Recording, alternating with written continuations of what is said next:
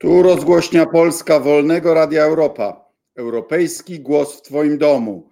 Proszę Państwa, nie skończyła się jeszcze jedna plaga, pandemia, a mamy kolejną wojnę, którą Putin rozpętał na Ukrainie. Polska okazuje bezprzykładną solidarność uchodźcom z Ukrainy. Ze 101 państwa na świecie pod względem ilości uchodźców, w ciągu trzech tygodni staliśmy się czwartym państwem na świecie. Szacuje się, że e, do Polski napłynęło już półtora miliona uchodźców. I są oni w całej Polsce, w Warszawie, w Krakowie, ale wszędzie, po prostu wszędzie. Od jutra wchodzi w życie ustawa. Mamy nadzieję, że ona pomoże. O tym, jakim wielk, jak wielkim wyzwaniem logistycznym y, i pod każdym innym względem jest ta fala ludzkości, chcę porozmawiać z prezydentem mojego rodzinnego miasta, pan prezydent Rafał Bruski. Czołem, panie prezydencie. Witam serdecznie i pana europosła i wszystkich, którzy nas dzisiaj słuchają.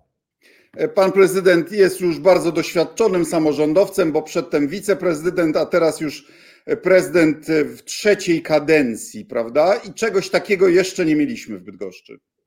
No, oczywiście, że nie mieliśmy.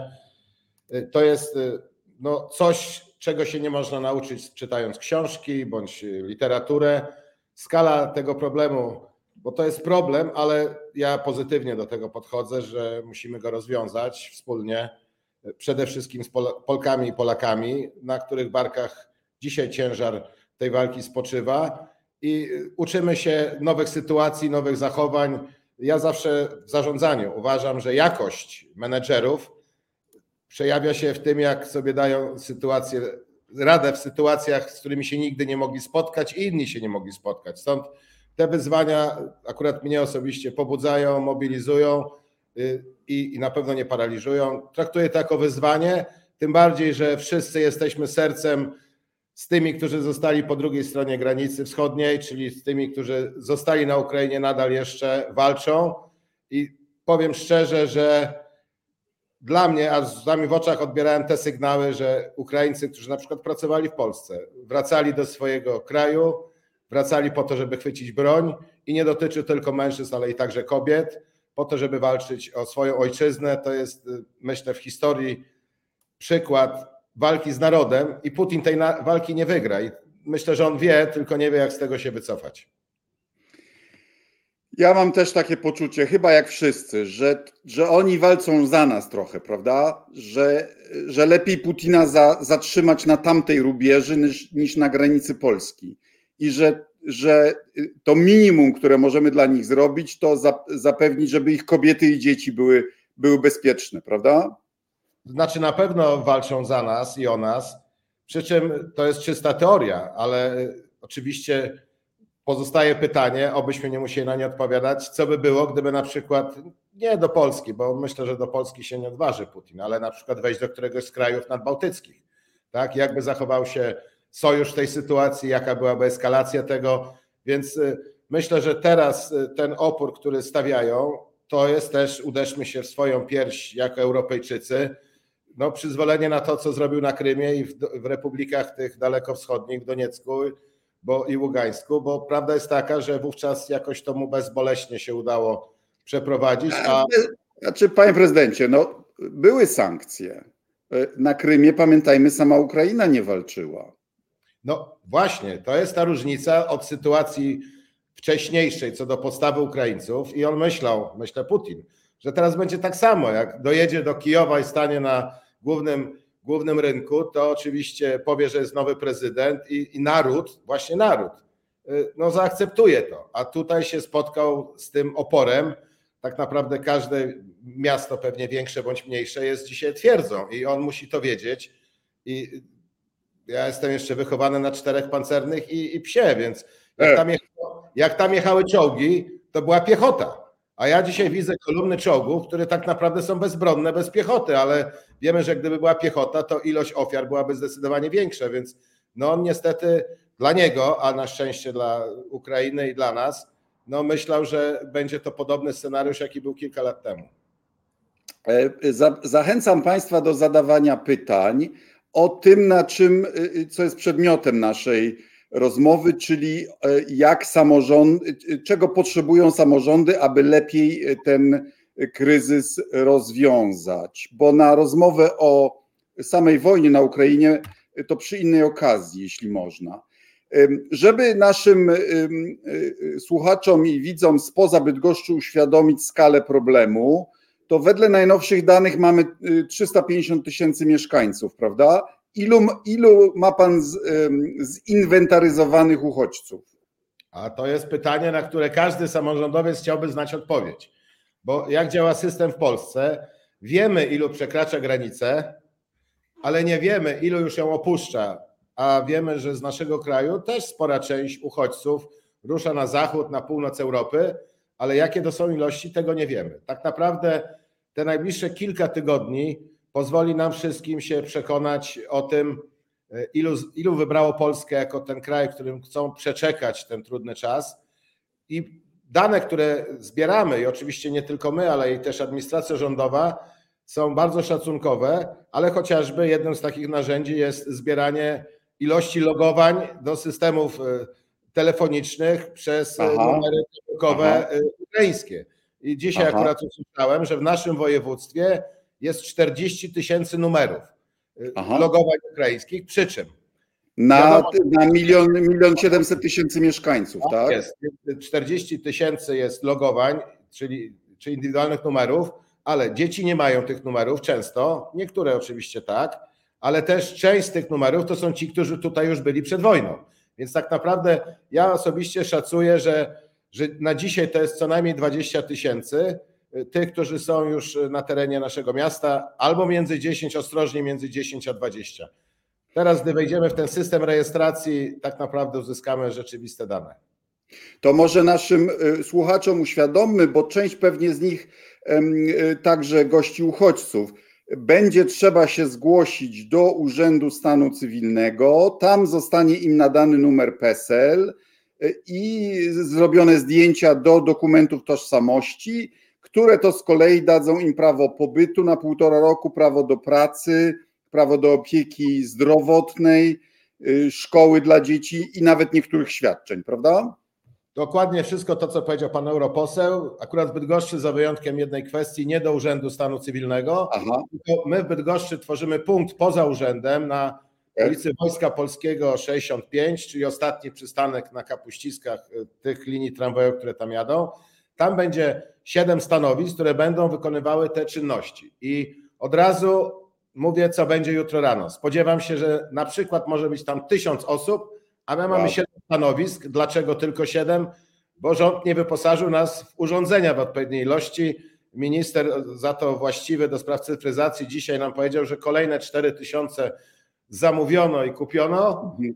To jest ten sam minister, który no, kupował i maseczki, i, i, i, i, i respiratory, więc no, ma doświadczenie w zakupach, ale w każdym bądź razie 4 tysiące mają dotrzeć ale Aha. w najbliższych dniach. Więc tak A jaką ma Pan przepustowość? Takie stanowisko, ile, ilu, ilu ludzi jest w stanie obsłużyć w ciągu godziny, dajmy na to? No więc y, tak naprawdę minimum 20, maksimum 40, bo powiedzmy sobie szczerze, dochodzi jeszcze kwestie językowe. Przy takim każdym stanowisku będzie tłumacz. Będą zupełnie nowe druki. Tych druków nam nawet nie pokazano, więc będziemy te druki jutro szybko ściągać, czy dzisiaj jeszcze i, i tworzyć i tak naprawdę nawet nasi urzędnicy będą uczyć się tego systemu, który ma być stworzony, więc nie jest to dobrze zorganizowane ze względu właśnie na czas wdrożenia, ale y, powiedzmy sobie szczerze, no, przyjęcie ustawy zajęło rządowi trzy tygodnie. Tak naprawdę tak. rozmawiamy o roli samorządów. Przez te trzy tygodnie za rząd pracowali przede wszystkim Polacy, wolontariusze, organizacje pozarządowe i samorządowcy, którzy próbowali to wszystko lepiej bądź gorzej spinać, bo wsparcia w tym zakresie nie mieliśmy, chociaż przypomnę, zarządzanie ruchem uchodźczym czy migracjami to jest zadanie rządu bezpośrednio. No, no ale... właśnie, pan był wojewodą, e, e, e, byłeś wojewodą bydgoskim. Jak te, co teraz robi wojewoda? Znaczy, rola wojewody w ogóle w kraju to jest jako no, przedstawiciel rządu, to wiemy dla tych, którzy nie, nie do końca to wiedzą aczkolwiek wojewoda ma to organizować na terenie województwa na zasadzie pewnej koordynacji. Przy czym y, wojewoda tym jest silny i ma więcej pieniędzy albo może kupić pewne usługi czy zorganizować. Więc jedyna rola wojewody przez ten czas spotyka się z nami samorządowcami, nawet i dwa, trzy razy w tygodniu na wideo spotkaniach, ale tak naprawdę o miejsca do noclegu. Prosi nas samorządowców, szukajcie chętnych Polaków albo firmy, które utworzą te miejsca. Rząd, zadałem pytanie premierowi, wczoraj takie pismo. Ciekaw jestem, czy dostanę odpowiedzi. Rząd ma olbrzymi potencjał ośrodkach wczasowych, szkoleniowych, podległych. Prawda, przecież nad Zalewem Koronowskim jest, no. są, tam jest i ośrodek więziennictwa, lasy państwowe, tak instytucje państwowe mają mnóstwo miejsc noclegowych. I to nie zostało kompletnie uruchomione. I ja zadałem panu premierowi pytanie, dlaczego, przy czym odpowiedź jedną usłyszałem, bo to za te 40 czy 60 zł nam się nie opłaca. Ale to Aha, jest. Ale Polacy mają to zrobić za, za darmo albo za 40 zł. Ci sami wojewodowie, akurat ja nie dostałem takiego polecenia, ale otrzymują polecenia w całej Polsce prezydenci, burmistrzowie. Utwórzcie w salach sportowych, w salach, y, w salach y, widowiskowych, przyszkolnych, utwórzcie zbiorowe punkty do przejmowania uchodźców, czyli tak naprawdę kosztem mieszkańców i Polaków, no bo nie będzie jakiejś y, lekcji wychowania fizycznego, nie będzie zajęć sportowych, nie będzie rozgrywania meczów. I w takich warunkach po 100, 200, 300 osób w jednej sali, zamiast otworzyć szeroko frontem te wszystkie ośrodki, które mają.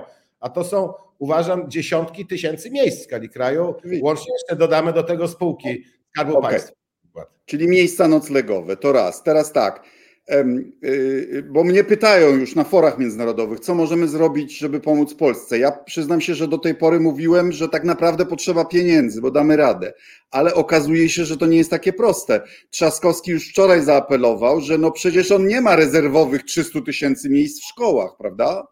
No, jak najbardziej, więc y, to jest skala y, problemów, które nas czekają dopiero, tak? Także my oczywiście wiemy, że przybywają do nas przede wszystkim kobiety i dzieci. Teraz, żeby ich pobyt tutaj jak najbardziej był łagodny, to kwestia zaopiekowania się dziećmi, czy to przedszkola nowe, gdzie przecież wiemy, że no w Polsce generalnie jest problem z miejscami dla wszystkich dzieci w przedszkolach, więc to jest kwestia przedszkoli i szkół. Przy czym po tych wszystkich reformach, które były wdrażane w edukacji, to nie jest tak, że w Bydgoszczy na przykład stoją trzy puste budynki szkolne po to, żeby stały i czekały na na, na, na gości z Ukrainy. Więc to jest olbrzymie wyzwanie, przed którym dopiero staniemy. Kwestia, czy pozwoli minister na przykład zwiększyć liczebność w klasach dzieci. Także my, my ja, ja akurat Bydgoszczy, ja jestem spokojny, że damy sobie radę. Tak? No najwyżej lekcje będą nieco dłużej, przy czym też tym, czym zarządzamy, to wiemy jedną też rzecz, jako samorządowcy. Wiesz, tak mówisz, damy sobie radę. Ja sobie wyobrażam, że jak się klasa powiększy o 10 czy 15%, to sobie damy rady. Ale przecież to jest początek tej wojny. Putin może to eskalować i uchodźców może być dwa, trzy razy tyle. Panie europośle, sytuacja jest bardzo zróżnicowana w kraju, bo mamy spotkania też w naszym gronie samorządowców. Więc generalno dzisiaj, przynajmniej jeszcze na ten moment, większość Ukraińców chce zostać blisko granicy, bo liczą, że wkrótce wrócą. Ci, którzy trochę dalej od granicy się zdecydują, ruszają na Warszawę i dzisiaj Warszawa szacuje, że ma od 200 do 250 tysięcy dodatkowych mieszkańców, czyli ponad 10% to jest bardzo duży przyrost. I wybierają na przykład Wrocław jako miejsce, gdzie ruszają dalej na zachód i, i miast Iraków. Inne miasta nie mają, w tym Bydgoszcz, my nie mamy dzisiaj jeszcze problemu takiego, że musimy właśnie salę sport. Mamy jedną salę przygotowaną, jakby na przykład pociąg nam przyjechał, to zaopiekujemy się nimi. Ale generalnie tu jest kwestia też y, pewnego zaufania. Ci y, ludzie, którzy wyjeżdżają i będą teraz wyjeżdżać, to jest trudniejsza fala do zagospodarowania, bo ci pierwsi to byli najczęściej ci, którzy albo w Polsce byli, albo ich tutaj małżonek pracował, więc ściągnął tutaj do siebie żonę, dzieciaki, a teraz przyjeżdżają osoby, które niekiedy po raz pierwszy może poza swoje, swój obwód wyjechały, a już nie mówiąc za granicę. I przyjeżdżają Jasne. jedną reklamówką, nie mają nic. Nie mają nic, więc zestresowane oczywiście, więc pomoc psychologiczna dla tych dzieci. No, wyzwań jest mnóstwo i y, to, co nam y, oczywiście, i ja jestem na to gotów, że to musimy. Y, I powiem tak, jako Polak, o, wtrącę, jako Polak jestem dumny, bo ta pomoc, którą i tą otwartość, to zaryzykuje, chociaż pan europoseł ma lepszą wiedzę. Nie zdarzyło się pewnie jeszcze w historii świata może, tego współczesnego, żeby uchodźcy byli przyjmowani w domach. Zawsze tworzono jakieś obozy, oczywiście szukano dla nich innego, innego sposobu na, na, na, na zakwaterowanie, a my, Polacy, otworzyliśmy swoje domy. I nie pytając ale o to jest, Ale to jest rozwiązanie doraźne, prawda?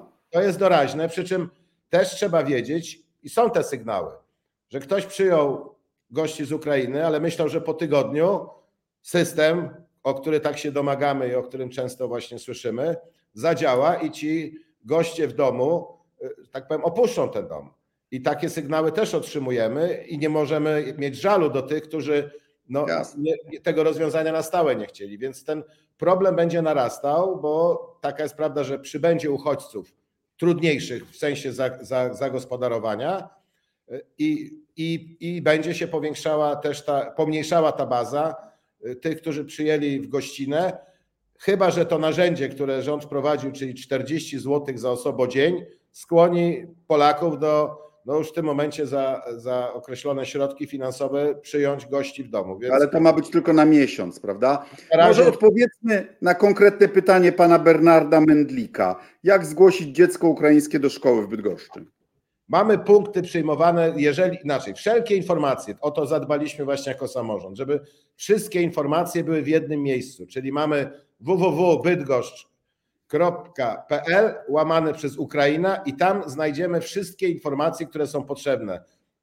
Każdemu, kto przyjedzie, ma dziecko, chce pracy, gdzie ma tego szukać, więc zbieramy już dzisiaj te informacje, w jakim wieku mamy dzieci. Będziemy musieli przygotować tak zwane grupy przygotowawcze, bo zdajemy sobie sprawę, że przede wszystkim trzeba nauczyć dzieci, dzieciaki języka polskiego, bo to jest język, który jest w dużej części im nieznany, więc, więc na tej stronie proszę zajrzeć, tam są wszystkie informacje, które są niezbędne do tego, aby każdy, na każde pytanie odpowiedzieć. Jeżeli nie znajdziemy tam odpowiedzi, to jako Urząd Miasta uruchomiliśmy infolinię, na którą można się dodzwonić, bo wiem, że są infolinie, na których się nie można dodzwonić i też taką pomoc świadczymy. Więc bardzo proszę o takie szczegółowe pytania kierować właśnie na infolinię.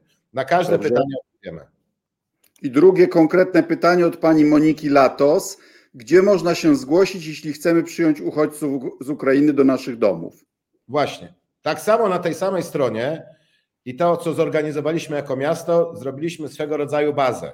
Do tej bazy ci, którzy chcą pomóc, zgłaszają, że chcą pomóc i jakiej formie ta pomoc ma być, bo może to być pomoc właśnie poprzez przyjęcie gości do domu, poprzez przywiezienie kogoś z granicy, poprzez przekazanie darów i z drugiej strony zderzamy to, czy konfrontujemy z tymi, którzy potrzebują pomocy. Czyli jednym słowem, w jednym miejscu jest kojarzona pomoc udzielana, ale i potrzebna. Więc zachęcam wszystkich do korzystania z tej bazy, bo ta baza jest cały czas y, i uzupełniana po jednej stronie i po drugiej, i kojarzona jest właśnie chęć pomocy z tą potrzebą pomocy.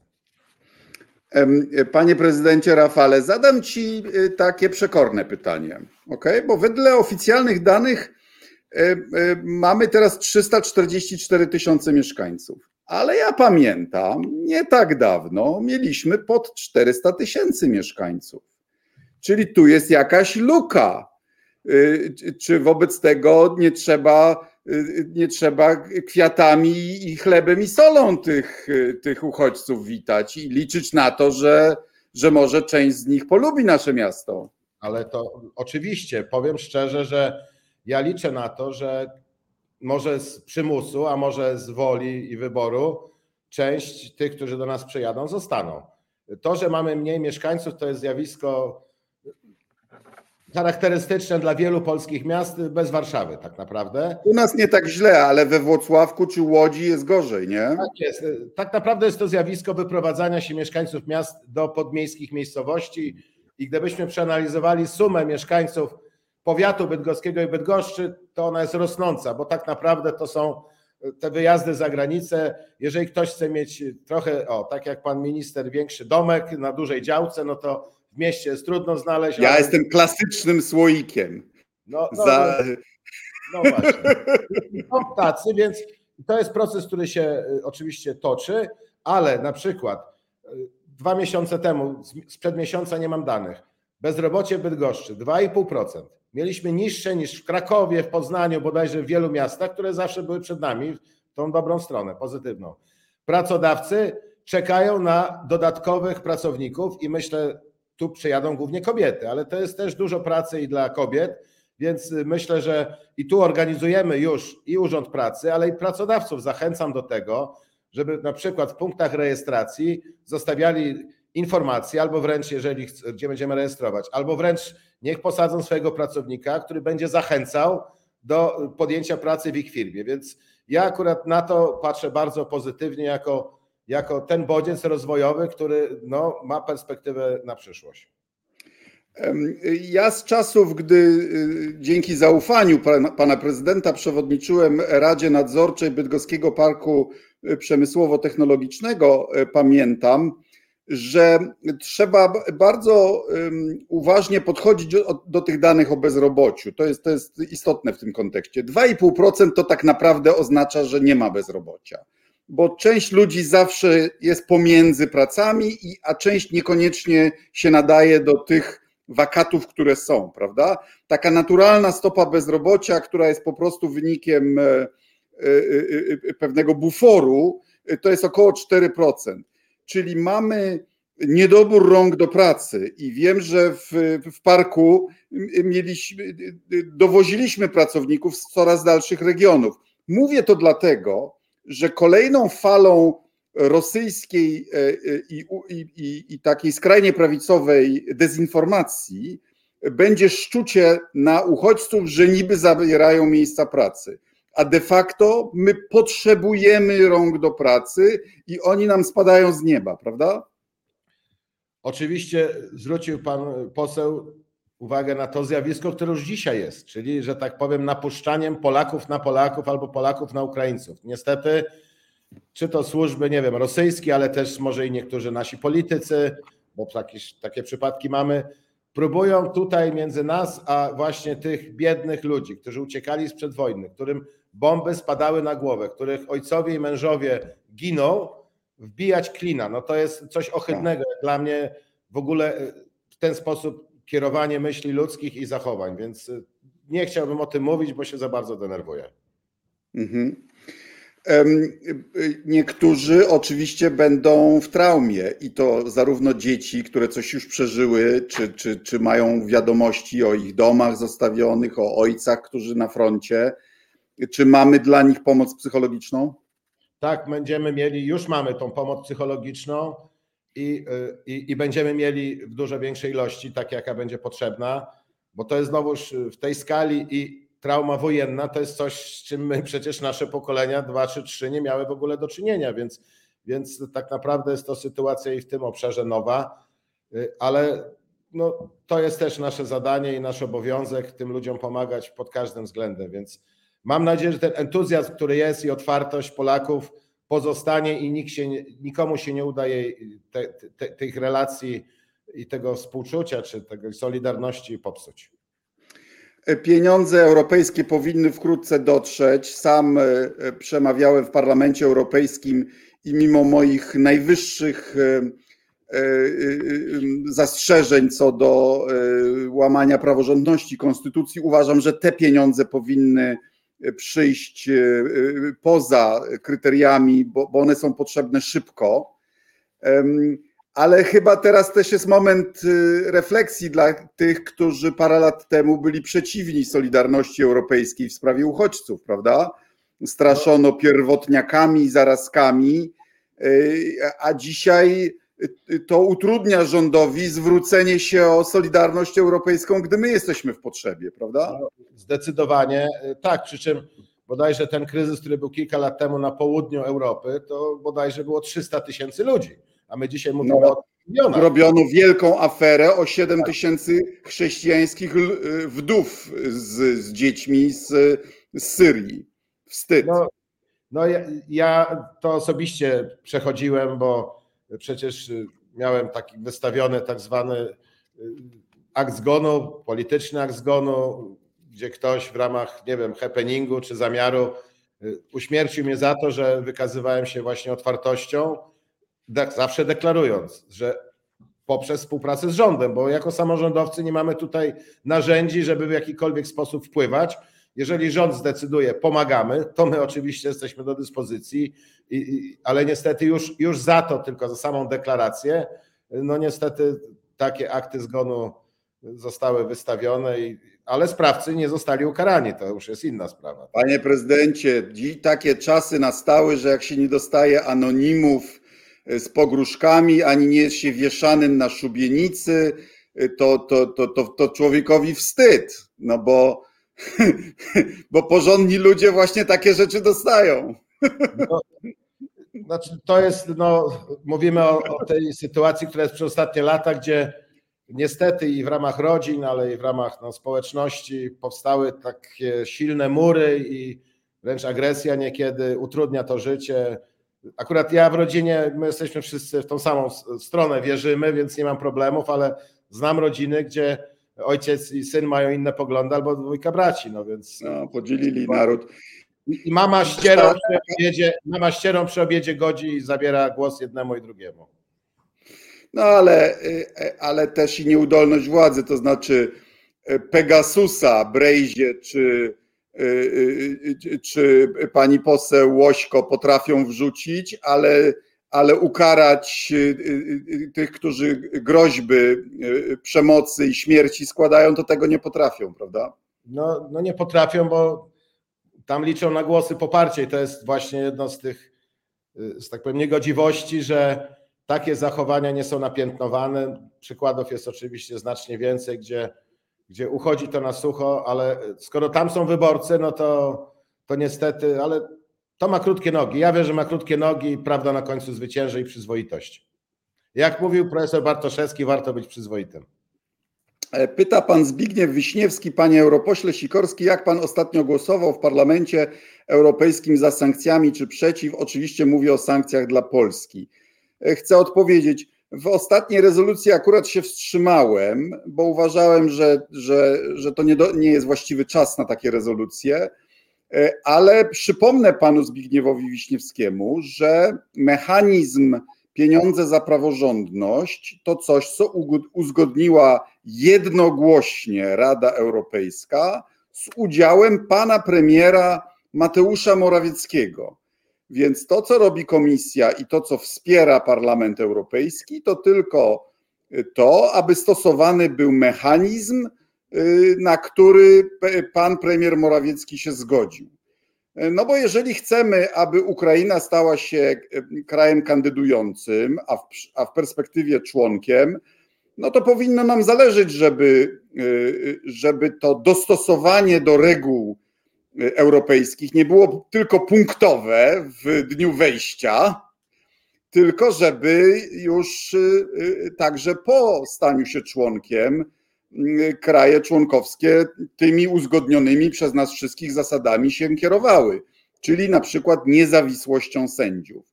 Na, na, na, na, na, na założenie zawarte w pytaniu odpowiem: wystarczy przestrzegać polskiej konstytucji, dobrowolnie zawartych e, traktatów. Wystarczy wypełnić to, co Morawiecki z Kaczyńskim już obiecali, e, czyli przestrzegać wyroków e, Europejskiego Wymiaru Sprawiedliwości, zlikwidować Izbę Dyscyplinarną i pieniądze do Polski przypłyną. To, że nadal nie mamy tych 700 miliardów złotych i, i płacimy karę milion euro każdego dnia które, których teraz jeszcze bardziej potrzebujemy, bo się, trzeba się przygotować na odstraszanie Putina.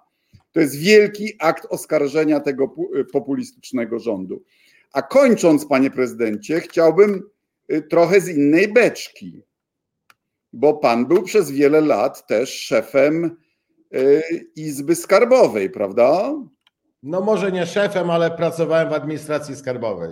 Tak, ale był pan też doradcą podatkowym. Więc... byłem doradcą, tak jest. Tak. No to co pan sądzi o logice, spójności, y, przejrzystości tak zwanego nowego ładu?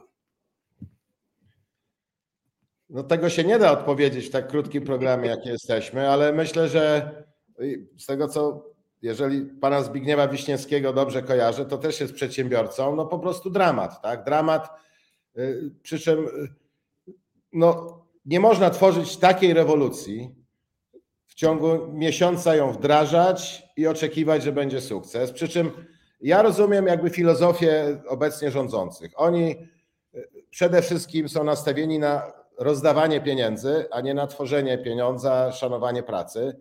I ja tutaj niestety zauważam w tym całym, w tym całym programie no, chaos jeden wielki. Przy czym ja rozumiem, że są ludzie, którym trzeba pomagać, gdzie trzeba zmniejszać podatki, to wszystkim, ale można to było zrobić, podnosząc kwotę wolną i skalą podatkową osiągnąć ten efekt, który się chce. Tylko, że PiS nie chciał podnosić skali podatkowej tak wprost, o zamiast 19 płacicie 22, a zamiast 32 płacicie 40, ale zrobił dokładnie to samo poprzez te manewry chociażby ze składką zdrowotną i paroma innymi. Generalnie to jest ciekawostka, którą, którą stwierdziłem na podstawie budżetu państwa. Hasło na plakatach 17 czy 18 miliardów zostało w kieszeniach Polaków. To ja teraz zadam pytanie, ale bardzo szybka będzie odpowiedź. Ja odpowiem na to pytanie.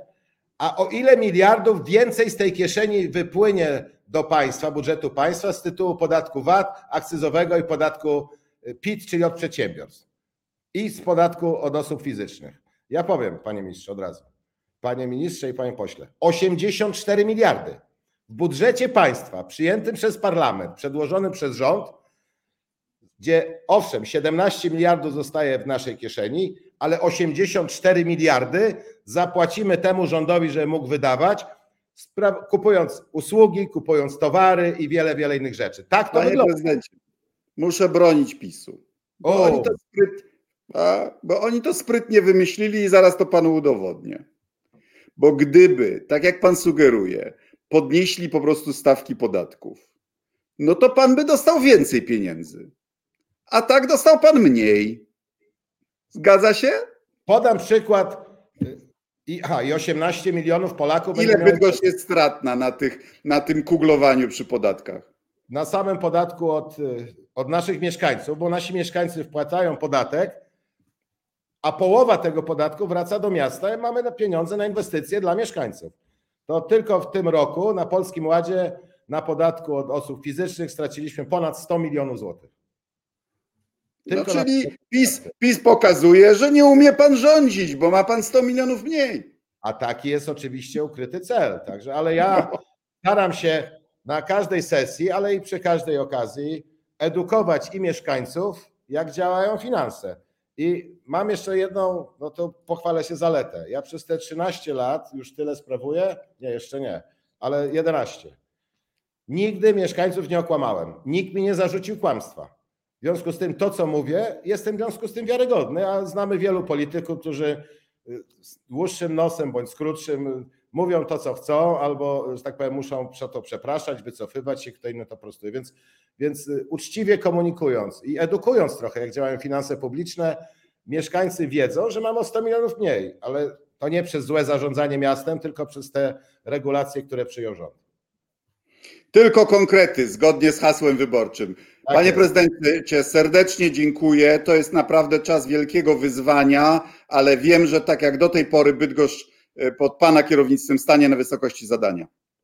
Tak jest. Dziękuję serdecznie za spotkanie i wszystkim tym oczywiście żegnam, którzy zechcieli nas obejrzeć i zadawać pytania. Do zobaczenia. To była rozgłośnia Polska Wolnego Radia Europa. Europejski głos w Twoim domu. Jeśli się Państwu podobało, to proszę o udostępnianie, szerowanie, lajkowanie i co tam jeszcze. Serdecznie dziękuję. Zapraszam na następny odcinek. Do widzenia.